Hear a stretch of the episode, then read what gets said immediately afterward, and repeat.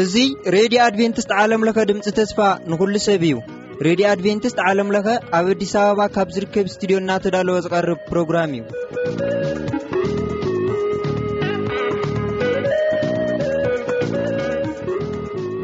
ሰላም ጥዕና ሃበና ዝኸበርኩም ሰማዕትና በብዘለኹሞ ዄንኩም ሮንዮና ረድዮ ኣድቨንትስ ንምድማጽ ልክዕ ኣብ ሰዓትኩም ስለ ዝተረኸብኩም እግዚኣብሔር ይባርኩም እናበልና ቀጺሉ ዝቐርበልኩም መደብ መናእሰይ እዩ። ምሳና ጽንሑ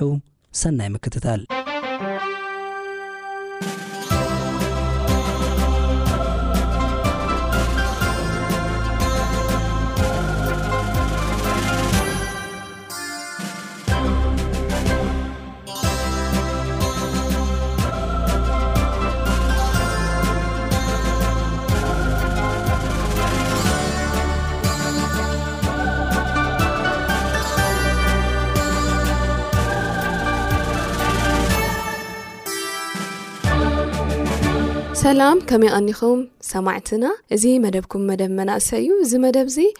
ኣብ ዓለም ለኸ ኣድቨንቲስ ሬድዮ እናተዳለወ ዝቐርበልኩም መደብና እዩ ናይ ሎሚ መደብ ሒዘልኩም ዘቐረብኩ ኣነ ዝከዳራ ሽናፊ እየ ፕሮግራምና ብጸሎት ክንጅምር ኢና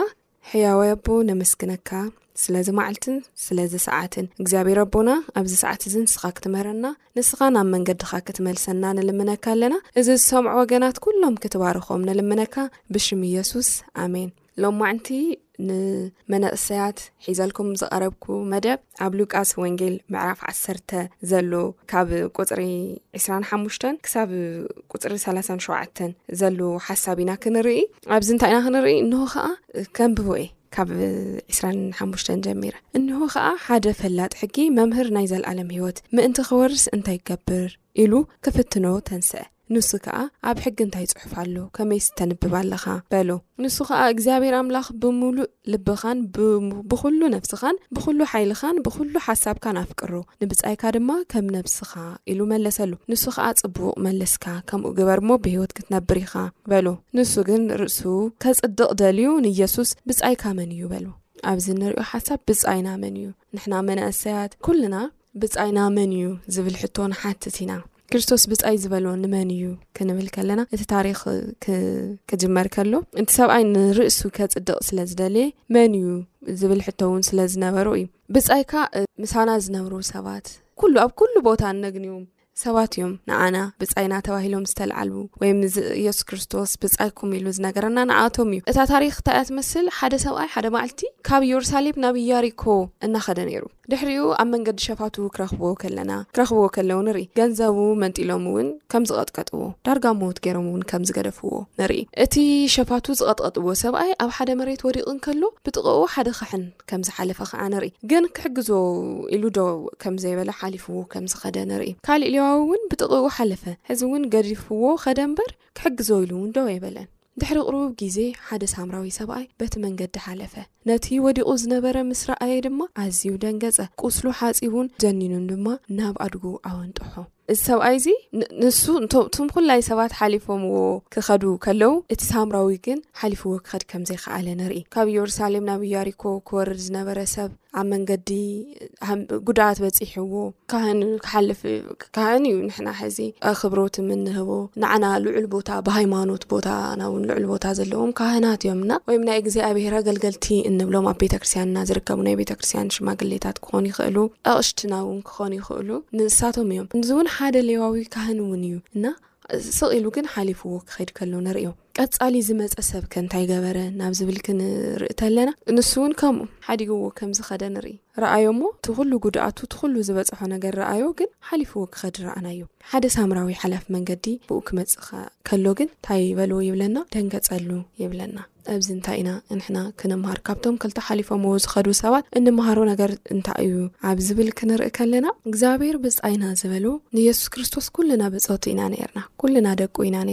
ኢና እውን ሐዚ እውን ኣብ ምድረ ብ ዝነበረሉ ሰዓት ክርስቶስ ንማንም ኩሉ ብዝሓለፋ መንገዲ ክፍውስ ብዝሓለፋ መንገዲ ኣጋንንት ከውፅእ ብዝሓለፋ መገዲ ሰባት ክሕግዝ ኢና ንሪዮ ነርና ምክንያቱ ሲ ኩልና ብፆቱ ገይሩ ስለዝቆፀረና ካብ ብጾት ሓሊፍና እውን ደቂ ተባሂልና ክንጽዋዕ እውን ስለ ዝገበረና እግዚኣብሔር ይመስገን። እንሕና እውን ጳውሎስ ከምቲ ዝበሎ ከምቲ ኣነ ንክርስቶስ ዝመሰልኩ ንስኻትኩም እውን ንዓይ ምሰሉ ከምቲ ዝተባሃልናዮ እንሕና ንመን ኢና ክንመስል ዝግብኣና? ናይ ብሓቂ ክንርኢ ከለና ኣብዚ ሕዚ ዘመን ዘሎ እንርእዮ ነገር እንታይ እዩ ክንብል ከለና ብጻይና መን እዩ? ብጻይናሲ መን እዩ? ብጻይና እቲ ምሳና ዝነብር ሰብ ጥራሕ ዶ ይኾን ወይስ እቲ በቦ በድኖ ዝዛመደና ሰብ ጥራሕ ዶ ይኾን ወይስ እቶም ኣብ ቤተ ክርስትያንና ጥራሕ ንረኽቦም ሰባት ዶ ይኾኑ ብጻይኩም ዝበለ ክርስቶስ ኮነን ኩሉ እዩ ብጻይኩም ኢልና ንኹሉ ሰብ ኢና ንሕና ክንበጽሓሉ ዘለና ከምቲ ክርስቶስ ንኹሉ ዝበጽሕ ነበረ ብዝሓለፎ ዓዲ ምንም ከይሰርሐ ዝሓለፎ ዓዲ ኣይነበረን ክርስቶስ እና ንሕና እውን ኣብዚ ሕዚ ሰዓት ዘለና መናእሰይ ኮና ኩልና ንሰምዕ እዚ ፕሮግራም እዚ ንሰምዕ ኩልና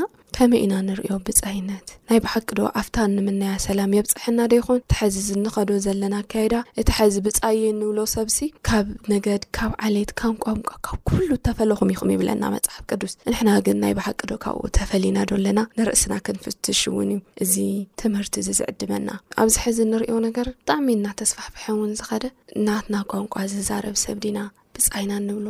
ኣብ ሓደ ከባቢ ምሳና እተወለደ ሰብ እዩ ብጻይና ኢልና እንጽውዕ ኣብዚ ሕዚ ሰዓት ዝረኣ ዘሎ። ግን ንሕና ከም ክርስትያን ከም ተኸተልቲ ክርስቶስ ግን እሱ ክኸውን እም ተገብኦ። ንድሕሪ ሕዚ ዘሎ ግዜና እውን ብደንቢ ጠጠው ኢልና ሓሲብና ክንከደሉ ከም ዘለና እዩ ዘረደእና። ካብ ክርስቶስ ክንመሃር ከለናስ ክርስቶስ ንማንም ንማንም ሰብ በቃ እቲ ብኡ ዝሓልፍ ዝነበረ እቲ መድሃኒት ዘልዩ ናብኡ ዝኸደ እቲ ፍትሒ ደልዩ ናብኡ ዝኸደ እቲ ኩሉ ነገር ካብ ክርስቶስ ደልዩ ናብኡ ዝኸደ ሰብ ኩሉ ብጻይ ገይሩ እዩ ተቐ ኣቢልዎ ካብኡ ሓሊፉ ኸዓ ንዓለም ኩሉ ንዓለም ኩሉ ከድሕን እግዚኣብሔር ኣብ ንወዱ ከም ዝለኣኸ ኩልና ብፆቱ ክንኸውን ብዘይ ምንም ኣፈላላይ ቀይሕ ጸሊም ሃብታም ድኻ ሓፂር ብዘይ ምንም ኣፈላላይሲ ክርስቶስ ንዓና ከድሕን መሪፁ ክርስቶስ ንዓና ከድሕን መፅዩ ስለምንታይሲ ኩልና ብሓደ ዓይነ ስለ ዘፍቅረና ሓጢኣትና እምበር ንዓና ሓጢኣተኛታት ኣይጸልእን ክርስቶስ ንሕና ውን ንሰባት ኣብዚ ሕዚ ሰዓት ዘለና በእውነት ሰባት ክንበጽሓል ሰባት ሲ ብቲ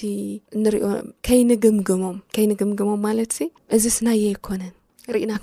ከም ዘይረኣና ከይንሓልፎ ንሕና እውን ከምትሐዚ ዘሎ ኣብ ሰማይ ሲ ካብ ኩሉ ቦታ ኢና ክንእከብ ካብ ኩሉ ኣብዚ ዘለና ኣብ መቐለ ዘለና ኣውሮፓ ዘሎ ኣፍሪካ ዘሎ ርሑቕ ምስራቅ ዘሎ ኣብ ብዙሕ ቦታ ካብ ሙሉእ ዓለም ኢና ክንሰባሰብ ሽዑ ኩሉ ብጻይና እዩ ኣብዚ ግን ኣብዛ መሬት እናሃለና ኢና እዛ ነገር እዚኣ ተለማሚድናያ ክርስቶስ ሲ እንታይ ይብል ስለ መጨረሻ ግዜ ንመጨረሻ ግዜ ሒዝናዮ ንኸዲ ነገር ተሃለወሲ ታይና እዩ ባህርና ብቻ እዩ ንሰማይ ሒዝናዮ ንኸድ ነገር ባህርና ብቻ እዩ ይብል ስለዚ ንብፃዩ ዘይፍቅር ሰብ ሰማይ ይረክብን ሰማይ ኣይኣትውን ዝሰርቕ ሰብ ሰማይ ኣይኣትውን እታ ሰማይሲ እተን ኣብ ምድሪ ዘለባ ነገራት እተን ዓለም ሕዚ ሕፅርጥር ኣቢላትና ዘላ ሓጢኣት ሒዝና ንሰማይ ክንኸደ ይንኽእልን ስለዚ ፀባይና ባህሪና ሒዝና ስለ ዝኾነ ንኸድና ብ ሰማይ እቲ ባህሪ ኣብዚ እዩ ዝጅምር ኣብ መሬት እዩ ዝጅምር እቲ ልምምድ ኣብ መሬት ስለ ዝኾነ ኣብ መሬት እንኮለና ክንገብሮ ዝግብኣና ነገር ገይርና ክንሓልፍ ናይ ብሓቂ ኸዓ እታ ንምነያ ኢዮሩሳሌም ክንረግጽ ምእንታ ክንኽእል እግዚኣብሔር ምእንታ ክሕግዘና ብጻይና ከም ባዕልና ክነፍቅር ትእዛዛት ክህብ ከሎ ክርስቶስ እውን ንእግዚኣብሔር ብምሉእ ልብኹም ብምሉእ ሓሳብኩም ብምሉእነት ንእግዚኣብሔር ክነፍቅር ካብኡ ከዓ ብጻይና ከም ባዕልና ገይርና ክነፍቅር እዩ ዝነግረና እና እቲ ሳምራዊ እንታይ ገይሩ ድኣ መጨረሻ ክንብል ከለና ሓደ ሳምራዊ መፅሓፍ ዘለኩም መናእሰያት እዚ መደብ እዚ ትሰምዑ ኩልኹም ሉቃስ ወንጌል ሉቃስ ምዕራፍ 1 ካብ ቁፅሪ ካብ ቁፅሪ 25 እንድዩ ዝጅምር እቲ ትምህርቲ ኣነ ሕዚ ዘንብባ ካብ ቁፅሪ 33 ጀሚረ ሓደ ሳምራዊ ሓላፍ መንገዲ ግና ናብኡ መጽ ምስ ረኣዮ ኸዓ ደንገጸሉ ናብኡ ቐሪቡ ኣቝሳሉ ሰፈፈሉ ዘይትን ወይንን ከኣ ኣፍሰሰሉ ኣብ ኣድጉ ኣወንጢሑ ናብ ማሕደር ኣጋይሽ ወሲዱ ኣለዮ ንብጽሒቱ ድማ ክልተ ዲናር ኣውጺኡ ነቲ ሓላዊ ማህደር ኣጋየሾ ሃቡ እሞ ተኸናኸኖ ንኢልካ ዘጥፋእካዮ ዘበለ ምስ ተመለስኩ ክፈድየካ እየ በሉ ታይሲ ኣብ መንገዲ እዩ ወዲቁ ረኪብዎ ንሕና ሕዚስ ኣብ መንገዲ ወዲቆም ዝረከብናዮም ዘይኮነስ ናዕናትና እርዳታ ደልዮም እንኳንስ ኣፍ ኣውፂኦም ዝጠየቁና ሰባትከ ክንደየና ኢና ብፆትና ነፍቅር ክንደየና ኢና ንሕና ከምቲ ንዓና ክግበረልና ዝደሊ ንሰባት ንገብረሎም ዝብል ነገር ክንርኢ እግዚኣብሔር የተሓሳስበና ነቲ ኣብ ኢድ ከትር ዝወደቀስ ካብዞም ሰለስተ ብፃይ ዝኾኑ ኣየና እዩም ይመስለካ ኢሉ ክርስቶስ ጠየቆ ንሱ ድማ እቲ ምሕረት ዝገበረሉ በለ የሱስ ከዓ ኪድ ንስኻ እውን ከምኡ ግበር በሎ የሱስ ነዚ ዝጸየቐ ሰብኣይ ጥራሕ ኣይኰነን ከምኡ ግበር ዝብል ዘሎ። ኣብዚ ሕዚ ዘለና ሰባት እውን ንዓና ዝተጻሕፈ ወንጌል ስለ ዝዀነ ንሕና እውን ከምኡ ክንገብር እዩ ክርስቶስ ዝነግረና ዘሎ እና መናእሰያት ካብዚ እንታይ ኢና ንምሃር? ኣብ ጥቓና ዘለዉ ሰባት ክንሕግዝ ከም ዝግብኣና ብብዙሕ መዳይ ኢና ንሕግዝ። እዚ ሰብኣይ ዝተጻሓፈልና ዝወደቐ ሰብ ኣልዒሉ ቅርሺ ከፊሉ ከም ዘሐከሞን ንምግቡ ዝኸውን ነገር እውን ከም ዝገደፈሉን ክምለስ ከሎ እውን ናይቲ ዘውፅኦ ወፃእታት ዘበለ ኩሉ ከም ዝኸፍለሉን ኢና ንርኢ ኣብዚ ሕዚ ግን ንሕና ብብዙሕ መገዲ ሰባት ናትና ሓገዝ ይደልዩ እዮም ሰባት ናትና ፍቕሪ ይደልዩ እዮም ሰባት ጽን ኢልና ክንሰምዖም ይደልዩ እዮም ብብዙሕ መገዲ ናትና ሓገዝ ዝደልዩ፣ ሓገዝ ኢሎም ዝጠርዑ ሰባት ድምጺ ብዙሕ እዩ። ብሕልፊ ኣብታ ሕዚ እንነብረላ ዓለምሲ ምድምማጽ ኣብ ዝኣበዮ፣ ዓለም ናብኣ ክትጎትተና ኣብ እትደልዮ ግዜ፣ ናይ ብሓቂ ሰባት ንኣና ናይ ክርስቶስ ምስ ዝኾኑ ሰባት ከውግዑ፣ ምስ ክርስቶስ ምስ ዝኾኑ ሰባት ክዓርፉ ይደልዩ'ዮም እሞ፣ እቶም ኩሎም ናትና እርዳታ ዝደልዩ ሰባት ክንበጽሓሎም እግዚኣብሔር የተሓሳስበና። እዚ ክንገብር ከለና ግን ምስ እንፈልጦ ሰብ ምስ እንቐርቦ ሰብ ምስ እንፈትዎም ሰባት ብቻ